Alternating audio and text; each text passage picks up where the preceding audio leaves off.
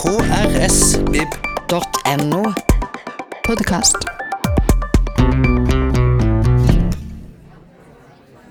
Hei og hjertelig velkommen til Bjørneboda dag fire. Og det er altså det aller siste arrangementet for i år. Men hjertelig velkommen tilbake til neste år. Um, jeg må bare si én ting som jeg syns er litt fint. da. I to ulike undersøkelser så har de spurt politikere og vi vanlige radio-, TV-, lyttere og seere hvilken politisk kommentator har de mest tillit til? Og i begge rundene så er det altså Magnus Takvam.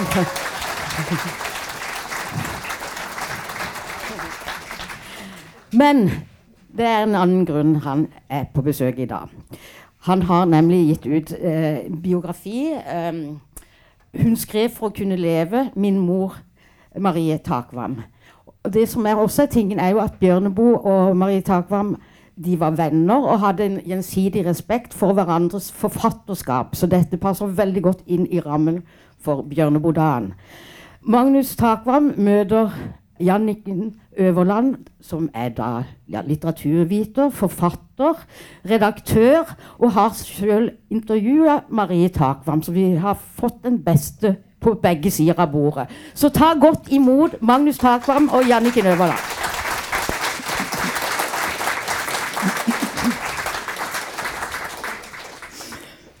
Takk skal du ha. Og takk for at vi ble invitert.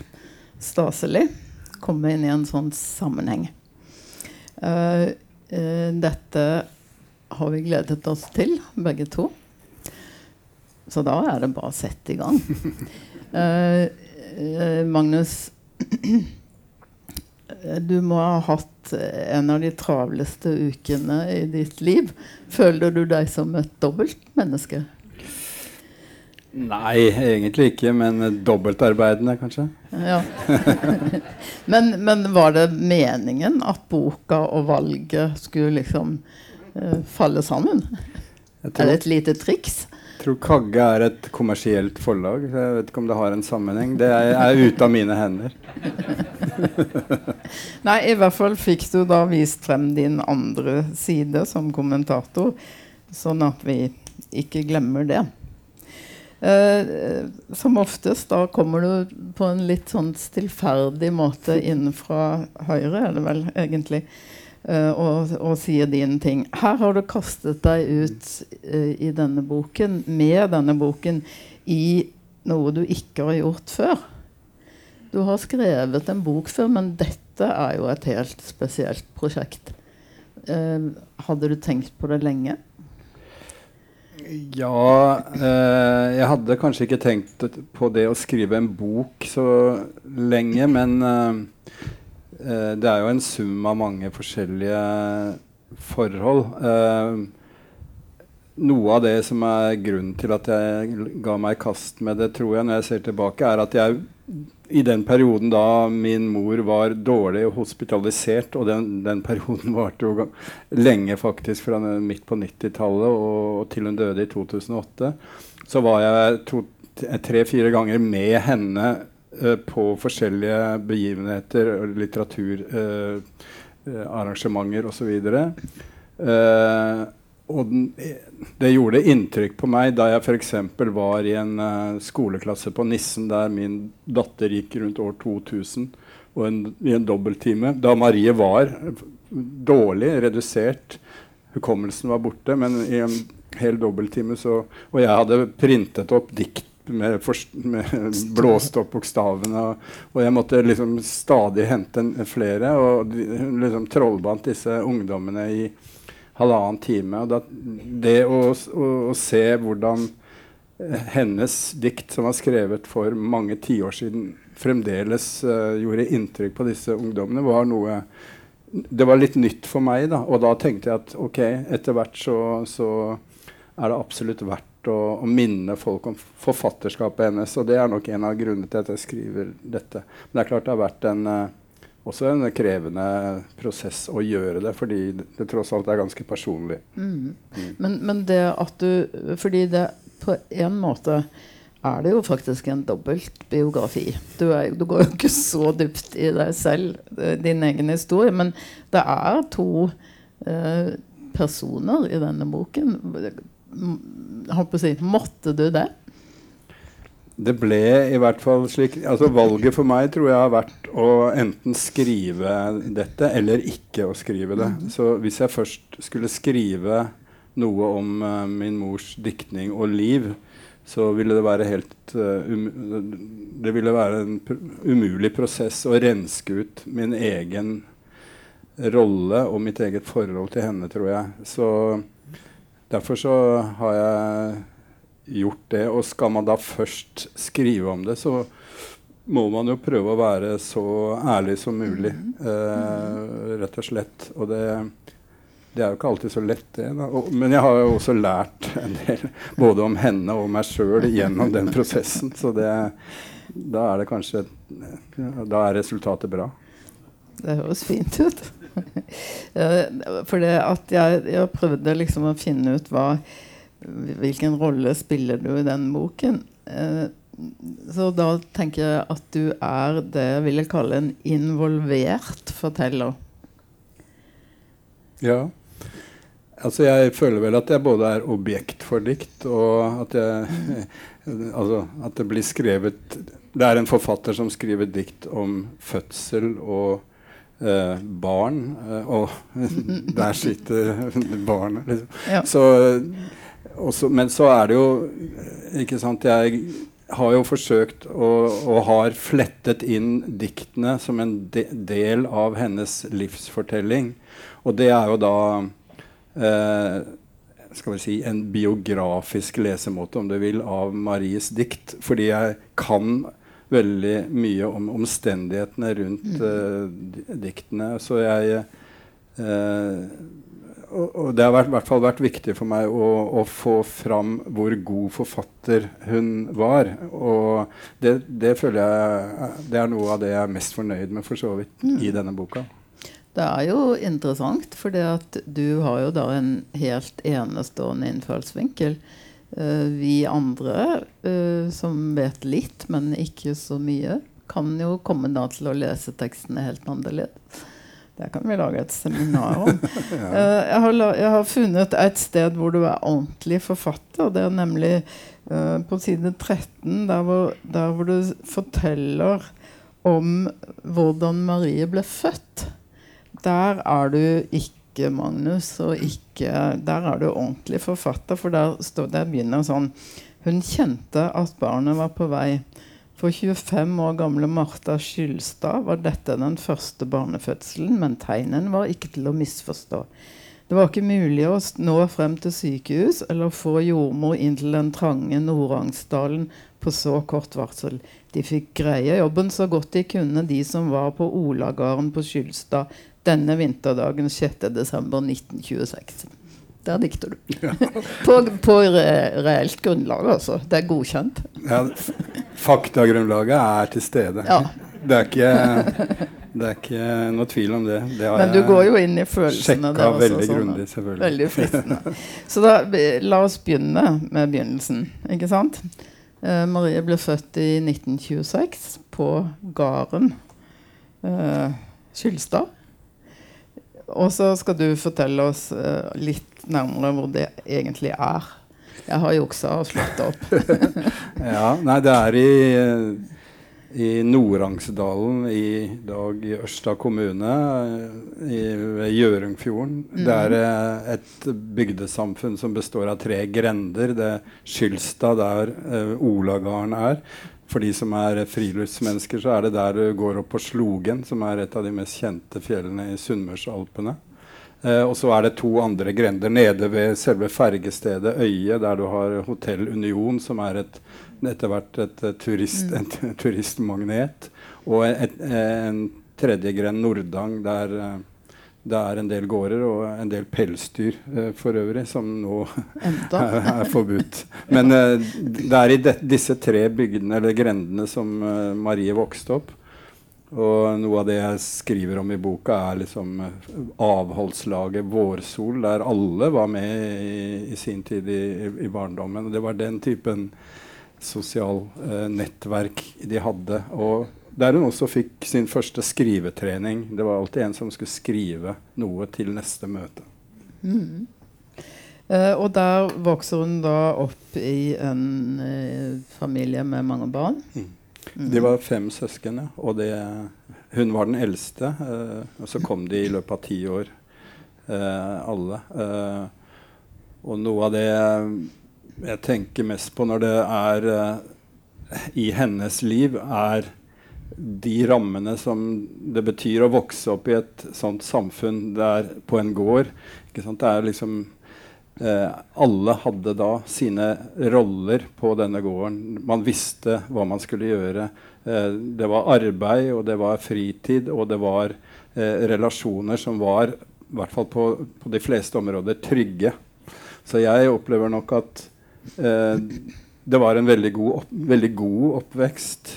Og Eh, hun så sine foreldre jobbe og slite. Eh, men det at hun da etter hvert flyttet og kom til et helt annet sted, til hovedstaden, gjorde at hun så på sitt eget liv da, på en annen måte. Og det var det som gjorde at hun tror jeg kunne bli dikter. Altså at hun så kontrasten og liksom opplevde det på den måten. Uh, så dermed så har hennes oppvekst og bakgrunn eh, gitt henne mange ting. Men når det gjelder din egen historie, så får du også et tett forhold til dette stedet. Eh, ja, ja og jeg, eh, jeg, var også da den eldste av barnebarna. Så jeg skriver jo at både hun og jeg hadde den privilegerte rollen som de første i barneflokkene hadde, med enetilgang på besteforeldre. da. Og jeg skriver jo om at dette å reise til Skylstad fra Oslo fra du var åtte år hver sommerferie, aleine med tog som åtteåring i sovevogn og finne bussen til Ålesund og alt. Hele den turen var jo litt sånn dristig prosjekt, for så vidt, som ikke kanskje hadde foreldre hadde gjort i dag, tror jeg. Eh, men eh, og det var en dobbelthet i det også, for du fornemmet jo at du ble sendt bort av litt sånn travle Oslo-foreldre som hadde sine prosjekter. Men så var det det at du ble tatt Du var ønsket dit du kom da. og jeg fikk et sterkt forhold til min bestefar, som alltid sto der på kaia med traktoren og ventet da jeg kom inn i den rutebåten. Så det, det var på en måte en, en tosidighet. Og og det å ha en sånn felles erfaring med sin egen mor også, på en måte med hennes foreldre og mine besteforeldre, var, var uh, noe av det som også forsterket denne bindingen som jeg skriver en del om til henne. da. Mm. Mm. Og det miljøet som hun da vokste opp i, det var jo da et tradisjonelt vestnorsk miljø. Uh, altså i 26 det er lenge siden etter hvert. Det er snart 100 år siden. Rett og slett. Uh, og det er klart at hun, selv om hun kom seg ut på skole, ikke sant, trasset seg litt til å gå videre på skole, så var det jo preget av en kristendom, grenser, roller Alt det der. Ja. Eh, kristendommen var en Jeg vil si jeg tror at eh, et eh, samfunn som dette var, som hadde mye tilreisende, og det var, det var, på en måte ikke et helt lukket samfunn, så var det nok også sånn at kristendommen var ikke eh, den, den, var der, men det var på en måte også en del av et kulturelt liksom, selvfølgelig miljø, eh, og, og, og, og noe som alle delte. Eh, så den, den, inderligheten som mange samfunn, eh, kristne samfunn opplever, tror jeg kanskje ikke var der som, som helhet i, i, i, miljøet. Men eh, min bestemor og, og, Maries mor var jo i misjonsforeninger. jeg tror og flere. Og, altså på en måte Jeg beskriver jo det som en sånn eh, Kanskje litt ironisk, da, men som en sånn klubb der strikkepinnene gikk med lynende fart, og de snakket Jeg vet ikke hvor mye de snakket om Jesus, men det var, liksom, det var et, et, miljø som, hun, som, var viktig for henne. Eh, og, men det som er poenget, for, er at for Marie så tror jeg at hun tok til seg dette med det kristne veldig i, i, internaliserte det veldig i seg selv og opplevde Tok det veldig på alvor, i motsetning til, til mange andre. Da, så, så, opplevde hun det helt konkret som synd og skam. Eh, og, og, denne, dette sterke indre livet som hun hadde, og som hun senere på en måte da uh, sleit med eller, eller, lurte på, og, og rett og galt, uh, samvittighet, alt dette, det gjorde at hun skrev dikt også. Det var hennes måte mm. å, å, forstå seg selv og verden bedre på, rett og slett. Mm. Kan ikke du lese det diktet på side uh, 8, nei, 26, jo. som er dikt, et dikt om mor? Og, uh, fordi at jeg har tenkt at noen kanskje har lest det som Marie sin egen fortelling, men det må jo være om mor. Ja, hun skrev det som Det er upaginert. Som uh, ung kvinne, ung lyriker. Ikke sant? Og uh, hadde jo ikke hatt den erfaringen selv. Så det, det blir ofte Eller det har blitt skal vi si, sett på som et eksempel på en misforstått biografisk lesemåte av Marie Takvams dikt som, alt, som, om alt er selvopplevd. Men dette var hennes blikk på sin egen mor egentlig når hun mm. skriver om det. Så jeg kan prøve å lese det. Mm. Ei mor er ferdig med si gjerning. Hvor er mine bånd nå? Disse velkledde, framande mennesker som ser til meg, kaller seg med deira navn. En gang slåss barnehender om plass kring halsen min, og munnar var ivrige etter å kysse meg på kinnet. I fem ganger ni måneder gikk jeg med kvalmen i munnen og stygdes ved lukt av fisk og kål og roser. Jeg så meg stundom i spegelen, magen, magen esende ut som gjærende deig, ansiktet bleikt og ukjennelig. Å herregud, jeg gjorde mi plikt over bleievask og i ekte seng. Fem barn flytte ut, og fem framande mennesker stikk innom som snarast. For hvert eit av deim jeg fødde, vart kroppen min meir slasket. Magen hang ned som en pose, ventende på neste gang. Brysta utsogne av svoltne, grådige munner, vortene bitne til blods av små, spirande tenner fanget fullt av gråtende barn og skitne klede, av leende barn og reine klede. Ansiktet mitt overdengt av barnekyss og bløtt av tårer. Kroppen min herja av ekteskapet. Dette var mitt liv. Det var den gang jeg levde, men visste det ikke. Lengta mot hvile. Nå stikk fem mennesker innom av plikt og sier sårende ord. Jeg maser for mye, klager de. Jeg skulle se til å finne meg en hobby og ikke gå opp i meg sjøl. Er livet alltid slik?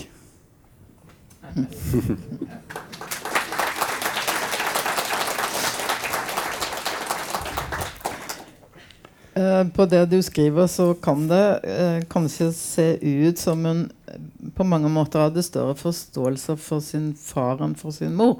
Men her, altså ganske mange år senere, har hun i hvert fall virkelig gått inn i den gamle rollen. Og, og det der med å bli voksen og gammel, og så har barna gjort noe helt annet, og så kommer de tilbake som fremmede, det er jo en helt realistisk beskrivelse av antagelig alle våre liv.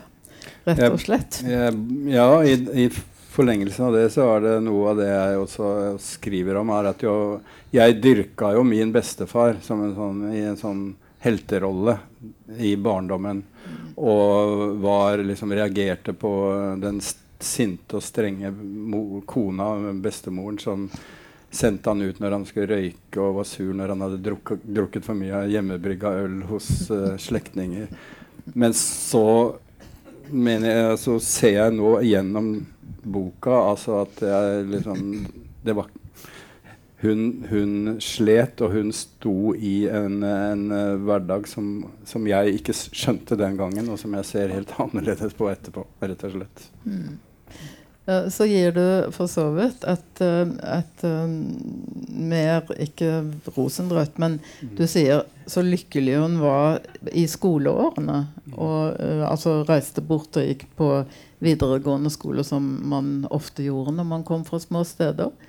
Og der ser du liksom både i bilder som du viser i boken, og sånn som du forteller det, at hun har det ganske morsomt. Mm. Ja, altså Hun hadde jo en uh, utferdstrang på den måten at hun ville ha utdanning mm. og uh, få et liv som var uh, et annet liv enn den, det hun hadde vokst opp i. Um, så jeg, den optimismen som var etter skolegangen i 1946, etter krigen, da Eh, ja, hun var jo en del av etterkrigsgenerasjonen selvfølgelig i Norge som skulle bygge landet etter krigen, få utdanning. De flytta til hovedstaden og var også et kjærestepar. Eh, de var blitt kjærester på, på skolen som 16- eller 17-åringer. Og hadde en driv og, og, et formål med livet sitt som var veldig sterkt. Og som var de lykkelige årene liksom et, et, etterkrigsårene, 50-tallet, 60-tallet. Eh, så spør jeg jo hvorfor kunne det ikke bare fortsette, fortsette ja. sånn? For da snakker du selvfølgelig om Johannes, din ja. far, som kom fra altså ikke helt i samme miljøet, men, men uh, tross alt fra ikke så langt unna. Nei, det er fra Hordaland, altså Dale-fabrikker. Litt lenger sør, ja. Og uh, hans far, Magnus, som jeg er oppkalt etter, var, var med å stifte Dale arbeiderlag liksom på, eh, ja, og jobba på fabrikken i tekstilindustrien, og det gjorde det de fleste. Dale-fabrikken. Ja. ja. Mm. Så nei, ja. De dro etter hvert til Oslo, og han fikk uh, ordentlig jobber. Og hun kastet seg ut i studier. Ja, altså... Og ja da, hun eh, Altså, hennes mor, Martha, bestemoren min, hadde en idé om at hun skulle bli misjonær, legemisjonær, og det holdt Marie seg til ganske lenge. Eh, den forpliktelsen, liksom. Og derfor så, så, var hun opptatt av å få gode karakterer og komme inn på Eids gymnas, som var den gang et landsgymnas, toårig for uh, ungdommer fra distriktet fra, uh, som hadde ikke bemidlede foreldre, som det het. Begava landsungdom uh, fra fattige kår. da. men så så svant jo den kristne troen etter hvert. Og jeg tror ikke hun fikk helt gode nok karakterer til medisinstudien, så hun begynte på psykologi isteden. Og fullførte ikke det fordi bl.a. jeg ble født, og det var liksom mm. mannen den gangen som fikk avslutte studier og ta eksamen. Um, men for henne var det psykologistudiet også et ledd i hennes indre kamp om å forstå ting bedre. Sånn at um, hun var preget av det jeg var litt inne på, denne indre uroen. Og, og psykologistudiet følte hun var det riktige for henne for å forstå eh, forholdet mellom ånd og materie, sjel. Hun men jeg tror hun ble litt skuffet over, over studiet til slutt også, så hun, hun, ble aldri psykolog. Det tror jeg kanskje var lurt. Nei, altså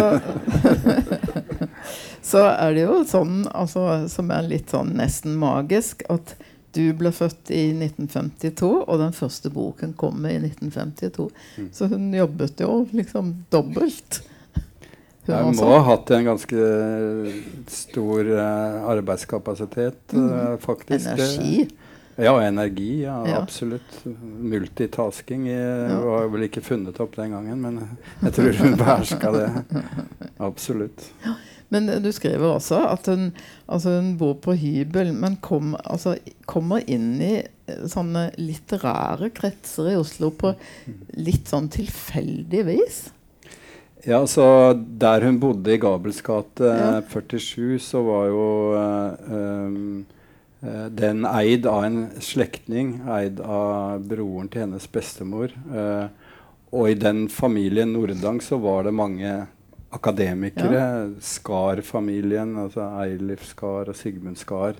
Og det var liksom en bygård der denne familiekretsen, ei, siden den ble eid av en fra den grenda, så, så, bodde det i de leilighetene mange av de slektningene, og de var Skar-familien og andre. Så de hadde sånne store selskaper ofte med Og der de leste opp dikt, bl.a. Sigmund Skar og sånn. Sånn at det jeg skriver der, er at for henne så var det å skrive dikt helt norm... Altså det var det å være forfatter og, og, og dikter var uh, det mange var. Det var ikke noe eksotisk ved det. Og de kom, det var også mennesker som kom fra det samme opphavet som hun uh, gjorde. Så jeg tror det var en, en veldig god skal vi si, fødselshjelper for det at hun ble dikter. I tillegg til at hun jo da begynte allerede å skrive for sin egen del under et uh, dødskjedelig arbeid på Statistisk sentralbyrå. Mm. Det gjorde hun òg. Ja. Inni her er det en setning du, som du har skrevet. Måtte hun bli forfatter? Og så sier du ja, hun måtte. Ja. ja. Eh, det er selvfølgelig ja, Jeg mener jo at hun ikke kunne Selv om livet hennes eh, ble vanskelig etter hvert, så kunne hun ikke blitt lykkelig uten å bruke de evnene hun hadde som dikter, det poetiske blikket og den måten å tross alt eh, jobbe med seg selv på. Eh, hadde hun ikke fått gjort det, så, så, ville hun ikke Hun var jo lykkelig i store perioder av livet, selvfølgelig. Og, så gikk, gikk gikk ting eh, feil etter hvert. Men jeg tror det at uh, hun måtte bli dikter for å, for å, kunne være lykkelig i livet sitt. Mm. Men tenker du da at hun på en måte brukte litteraturen eller lyrikken sin til å også forstå seg selv? Ja, altså både forstå seg selv og forstå verden. Det, altså, det er jo store ord. Men mm. eh, hun beskriver jo selv i, i uh, samtaler med en av våre døtre i en skoleoppgave at hun allerede fra hun var liten, mm. kjente denne indre spenningen i seg selv uh, med høy, høy, glede, men samtidig depressiv uh, motvekt. Sånn at det hun da forteller om, er at hennes måte å, å, jobbe med det på var rett og slett å skrive ned tankene sine og, og, og bearbeide dette indre trykket ved å, å bruke dikt og, og, språket på den måten jeg, jeg snakker om. Og, øh, men også tror jeg den, øh, den religiøse, kristne eh, sterke identifiseringen med, med, rett og galt spilte på den samme måten. Så hun var, selv om hun da etter hvert forlot det, det, det personlig kristne eh, utgangspunktet, så var hun alltid veldig opptatt av religionshistorie, av ideer. Som helt ung Hun skrev jo i den første diktsamlingen sin, som heter 'Dåp under sju stjerner', så handler det om eh, de sju dødssyndene. Og hun selv som, som eh, ung eh, kvinne som går ned i vannet og, og gjør det omvendt av, av, av dåpen og, og, senker seg ned i vannet. Sånn at en 25-åring som skriver om de sju dødssyndene, er jo opptatt av de store spørsmål. Eh, og det, det, beundrer jeg henne litt for. Det syns jeg er veldig flott å se ved, ved diktene hennes. Mm. Ja, jeg tror du har nokså rett. Uh, altså I 52 så kommer 'Dåp under sju stjerner' ut. Uh, 52 er kort tid etter uh, krigen. men den veggen av u... dårlig forståelse av en kvinne som skriver, som hun da møter, er jo enda Altså en, i dag, lest i dag er den ganske forferdelig. Jeg må bare lese et par av den sak du skriver. Den mest berømte anmeldelsen sto André Bjerke for i Aftenposten. Maria Takvam var veldig vakker, rett og slett. Og hun hadde en utstråling som også finnes på det bildet på debutboken. Og da skriver André Bjerke altså rett og slett Hun har myke, runde og litt buttetrekk. Underansiktet er et barns, og overansiktet en klok og moden kvinne. Tyngden i kjevebuen er balansert av en følsom, halvsmilende munn og et par usedvanlig uttrykksfulle og intelligente øyne. Hun har en hals som kan bære et hode, og skuldre som kan bære et silkesjal. Det er et vakkert og levende bilde. Dette kan umulig være noen Bergtora som har begynt å skrive dikt fordi hun har vært benkepryd på dansemoro. Forfatterinnen er pen allerede. Det lover godt. ja. Det er jo komisk å lese det Det er rett og slett komisk. 70 må, år etterpå. Ja, jeg må ta en til. Det er Odd Solmsmoen i Arbeiderbladet. Det, dette er for å vise at verden har gått fremover. Rett og slett. Hold, Solmsmoen i Arbeiderbladet holdt samme bråkjekke tone eh, om diktene. Alle er skrevet av en pen, ung dame. Det er også det peneste som kan sies om de fleste av dem. Og så eh, Herdis Jong, som er en annen dikter, da, og Karin Bangs tidligere rekorder i lyrisk dameprat i år tangeres av Marie Takvam. ja, altså Heldigvis var du for liten til å Ja, ja. oppleve dette. Men det er ganske sjokkerende. Ja, det er, i dag er, er, det jo selvfølgelig det. Eh, nå sa Marie litt sånn eh, skal vi si, tøft eller bråkjekt selv at det brydde hun seg ikke noe om, for hun uh, syntes at André Bjerke var en dårlig forfatter. Så han, hun, da var det ikke noe grunn til å legge vekt på det han skrev heller. Jeg tror nok det, det kanskje var, satt litt, var, var litt hardere. Uh, gikk litt hardere inn på enn en akkurat det. ja. Eh, spesielt. Altså, særlig når du sier at det første diktet i den første samlingen handler om de syv dødssynder. Det er jo helt vanlig dameprat, selvfølgelig, i 52. Nei. Uh, men så uh, så uh, etablerer dere dere, familien, på Oppsal i Oslo som etter hvert. Mm. Ja, med litt flytting. Uh, altså via Ålesund og, og sånn. Men, men, det er på en måte Oppsal i Oslo, drabantbyen, som blir det lange oppholdsstedet til familien. Mm. Uh, og uh, Marie er jo da født i 26 og voksen i 46. Du er født i 52, og du er da voksen i 72. Og den forskjellen, altså å være voksen i tett etterkrigstid og bli voksen i 72 mm da er det ikke rart at dere to blir veldig forskjellige. Nei, det var et litt vanskelig spørsmål å svare på.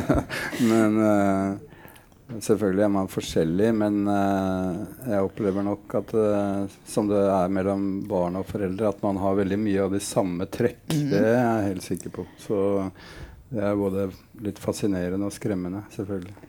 Men tiden, altså ti ja. å være ung i 46 er jo noe virkelig annet enn en du som da ja. på en måte er ung i 72, etter 68, i storbyen Oslo. Det er klart det er polit... Altså, jeg, jeg mener etterkrigstiden, hvis, hvis, man tenker politisk på det, så, så, var det jo på en måte et, et felles løft, et samfunnsløft. Mm. Og de politiske skal vi si, ja, drømmene for, for, en hel nasjon var på en måte mye mer felles enn den eh, perioden på 68-70-tallet som, som, jeg gikk inn i. Og vi ble jo, mange av oss, en del av den radikale generasjonen som, som gjorde opprør og ble medlemmer i SUF og det, det ene med det andre. Uh, og jeg har prøvd å skrive litt om altså, på en måte at på det politiske feltet så deler vi jo også en slags felles eh, interesse for det politiske og samfunnsmessige. Men noe av forskjellen som jeg da gir Marie kreditt for, er at hun så seg selv som medansvarlig del, for den utviklingen som skjedde. Annet skriver hun dikt om tredje verden og uh, den rike verdens uh, Hun tok den rike en veldig krass ståsted mot den rike verdens blikk på den fattige verden gjennom en del dikt hun skrev veldig uh, godt. Mens vi eh, på en måte ikke hadde den, den, forståelsen av politikken. Det var på en måte å, å, å Vietnamkrigen en ytre fiende som vi skulle mobilisere mot. Mens hun igjen da tok det personlige eh, politiske ansvaret på en annen måte. Og så prøvde hun jo også å skrive dikt om hvorfor hun fikk barn som liksom sto med revolusjon eh, på plakaten. Hva har jeg gjort feil? Liksom. Vi kjøpte jo mat og liksom kom Alt var jo, burde jo ligge til rette. Vi kjøpte matrosdresser og liksom eh, var med på 17. mai-er. Men så ble de revolusjonære. Hva er det vi generasjonen har gjort feil? Så jeg prøver jo å si litt ironisk at det var eh, det var en, en sånn apolitisk analyse av Marie. Jeg synes du, ja, du har en veldig fin setning her som nesten er en sånn uh, Altså den beklagelsen som Dag Solstad aldri vil komme med, ifølge noen. Uh, du sier 'jeg og mange i min generasjon valgte løsninger som var frikoblet fra det praktiske, personlige og nære'. Mm. Og sluttet oss til bevegelser som det i ettertid er mulig å forklare, men vanskelig å forsvare. Mm. Veldig fint. Men så eh, Så syns jeg at, at, eh, Kanskje jeg skal lese det diktet som heter 'Det glade raseri'. Mm. For det er sinnet hennes på altså kvinners vegne. Det står på side 130. Det heter 'Det glade raseri'. For så kan vi snakke litt om kvinner etterpå. Nå er jeg rett forbanna på min kjære, men ikke over noe han har gjort, og ikke over noe han let være. Forbanna er jeg rett og slett og synes det er stort. For argskap, sinne, raseri er lynnedslag i dette hus og denne stille fred. Likner utflukt til et farlig folkeslag som ikke gentlemen har roa ned. Jeg kjenner jeg er kvinne, grodd av jord, og ikke skapt av usselt ribbebein. Jeg kjenner meg i slekt med gras som gror, med henne som vart steina, og med deg som kasta stein. Jeg er et menneske for tusen og ingen dokkedame. Jeg danser vilt ikring mi steikepanne og puster raut til argskaps iltre glo. Jeg strekker meg på tå og øver meg å banne mot hver ei røsle i vårt hus som har fått vanens like glade ro.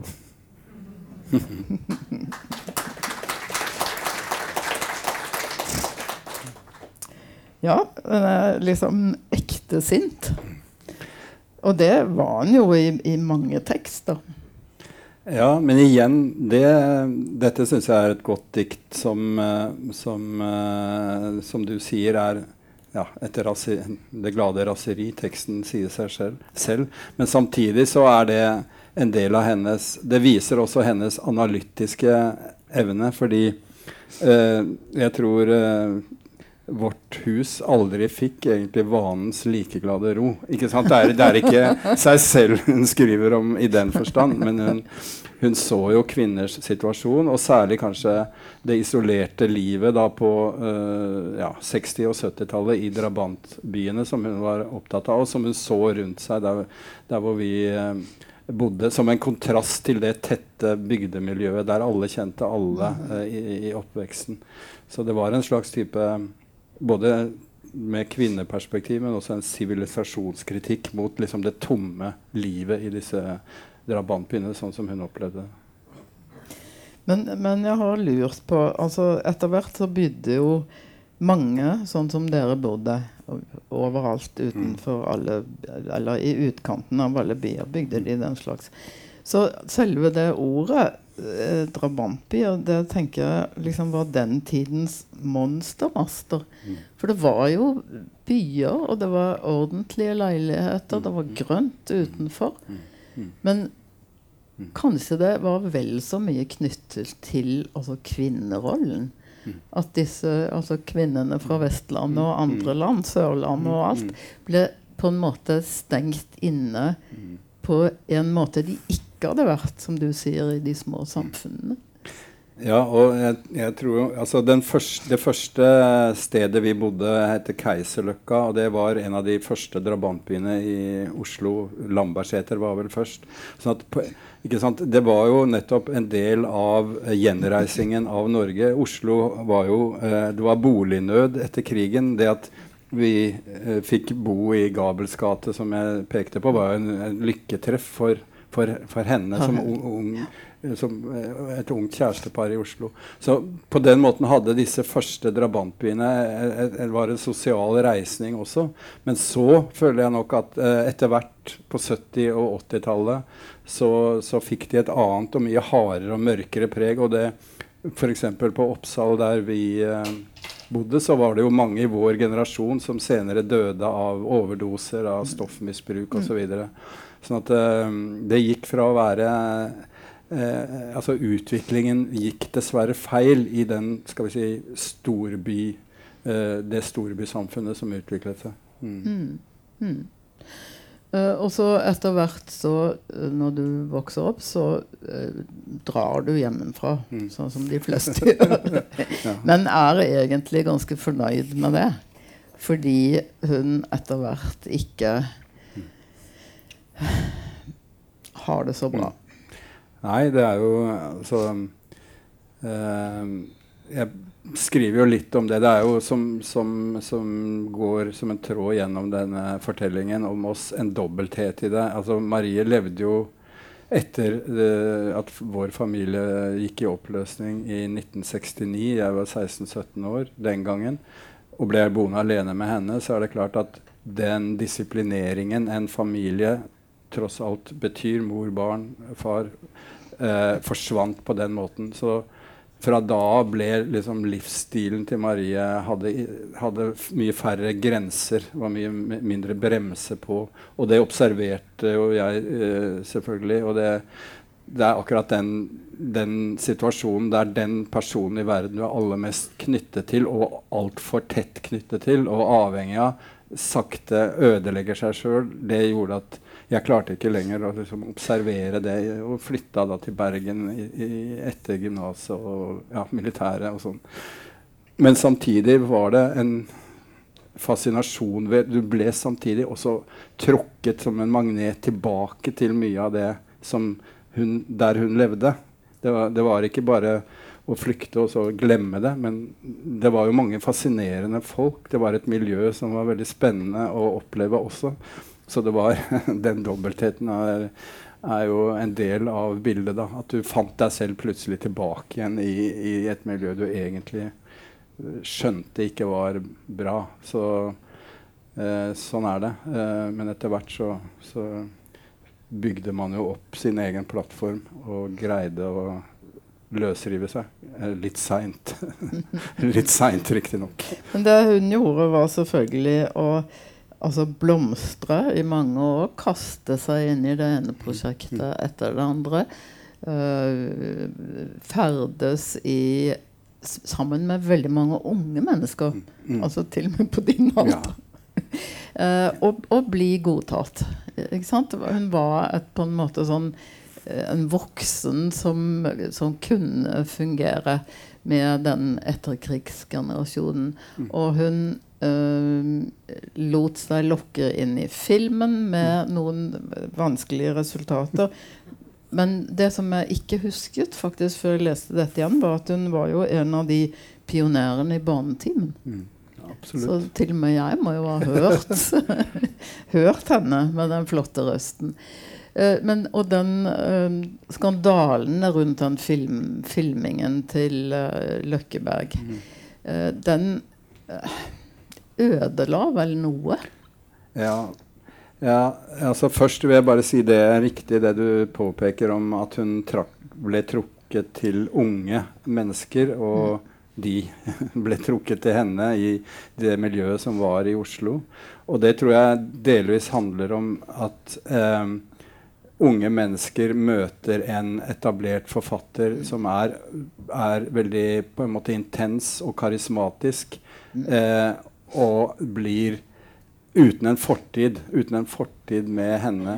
Og jeg tror for Marie så var det som var vanskelig og komplisert, var å stå i relasjoner som ga motstand tilbake. Altså som, som, eh, som kritiserte henne. Og dermed så, så, opplever i hvert fall jeg at dype relasjoner mellom mennesker krever jo at man tåler også motstand fra den andre. Og det klarte ikke Marie, og hun flyktet fra det, føler jeg ofte.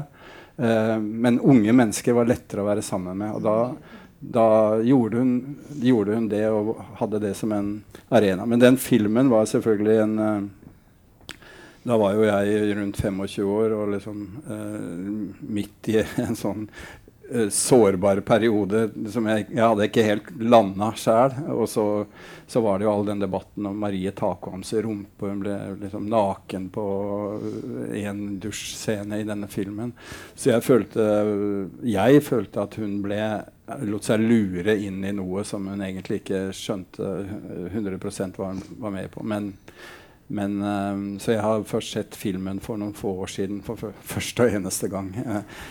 men ja, Og det er nok noe av det som Altså en, en, uh, en motforestilling fra min egen for, for, side fra meg når det gjelder å skrive i det hele tatt en sånn type bok, er jo at den relasjonen jeg har hatt, den oppveksten jeg har hatt, er jo for så vidt komplisert og, og, og, vanskelig. Men jeg vet jo at det er mange andre som har hatt mye tøffere oppvekster og tøffere liv. Men det som gjorde at jeg likevel valgte å gjøre det, er at det er for det første at en, en, en mor blir, blir, så til de grader eksponert. At det er den delen av det som, som er, skiller seg ut. Og så tror jeg også samtidig at det å beskrive relasjon mellom mor og barn, for tett binding, og hvor, hvor viktig relasjoner mellom mennesker er, er liksom, har en egenverdi som jeg tror en del også kan kjenne seg igjen i, uavhengig av liksom hvilken eh, historie de har. Og det er klart at noen av de miljøene hun kom inn i, og noen av de menneskene hun hun var sammen med, var blant de hva skal vi si, rareste i, i Norge og Oslo ja, på den ja. tiden. De mest eh, Og da skal det jo ikke skjules akkurat her at også Bjørneboe var blant de menneskene. Uh, og jeg fant jo ut da at i, i Fredrik Vandrups bok om Bjørneboe der er det en sånn bitte liten rar historie om en han polakk eller tysker eller sånn som kommer flytende og blir tatt under vingene til Bjørneboe, som selvfølgelig ikke klarte det å passe på en som sier jeg, 'noen er etter meg'. Så havnet han hos Maria også.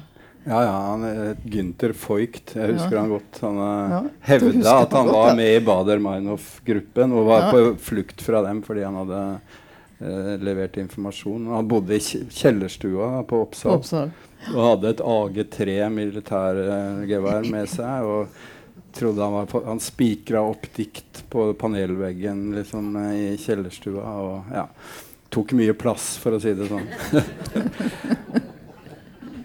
men eh, jeg kan godt uh, snakke mye om det. Men det var, det var et sånn eksempel på en nokså sånn ek eksotisk uh, relasjon i, i Maries liv og vårt felles liv. ja. Mm. Uh, hun døde altså i 2008, men du sier at de siste 25 årene var, var hun inn og ut av rett og slett behandling og institusjoner.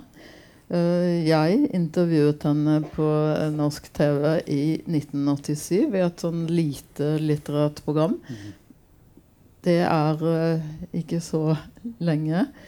Eh, det ligger innenfor der. Og der er hun helt strålende. Mm. Mm. Sitter smilende på mm. en liten stol og, og, og, bruker hele energien sin ut til det norske folk. Det er helt eh, Men for deg var det selvfølgelig, og dere, en, en annen slags sørgelig historie. Ja da, det er klart. det I uh, Marie, som jeg skriver uh, det skjedde jo med en medisinsk nødvendighet at det gikk mot et sammenbrudd, sånn som hun levde. For hun hadde en jernhelse, men selv hennes helse tålte ikke det eh, livet hun levde, med mye alkoholbruk eh, osv., som i sin eh, tur førte til eh, vrangforestillinger og, og, frykt. Og hun hadde det veldig vondt og følte seg forfulgt. Og endte etter en rundreise eh, gjennom Norge og nedover i Europa på flukt fra innbilte forfølgere. Forkommen på en jernbanestasjon og ble hos, lagt inn på sjukehus og fraktet hjem. Så vi måtte legge henne inn på psykiatrisk avdeling da, i 85. Men som, så kom hun ut eh, og i enda skal vi si, 7, 8, 9, 10 år levde til og fra eh, i sitt eget hjem. Eh, og greide også å skrive en veldig god diktsamling senest i 1990, etter, da, fem år etter dette sammenbruddet. Og det, det viser jo samtidig den livskraften og livsviljen hun hadde. Da. Men mm. til slutt så så var det ikke mulig for henne å, å, å, bo hjemme alene, og kom da på institusjon etter hvert. Fast. Den uh, diktsamlingen fra 90 som heter 'Rognebær', den er veldig fin. Mm. Det er merkelig hvordan to liksom, situasjoner kan være helt sånn parallelle. Uh, det jeg håper nå, er at denne boken skal få folk til å lese Marie Takvam igjen. Det finnes et, eh, et, bind av samlede dikt som er strålende. Uh, laget omtrent da. Uh, med et etterord som er veldig godt. Mm. Noe av det beste som er skrevet om, om tekstene hennes. Så det, når vi nå slutter av og takker pent for oss, så er det oppfordringen. Les Marie Takvam i dag. Mm. Takk. Ja, takk for det.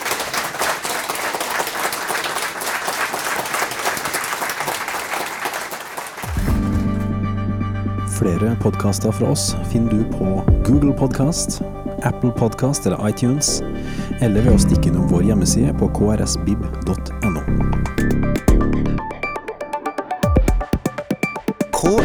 krsbib.no podkast.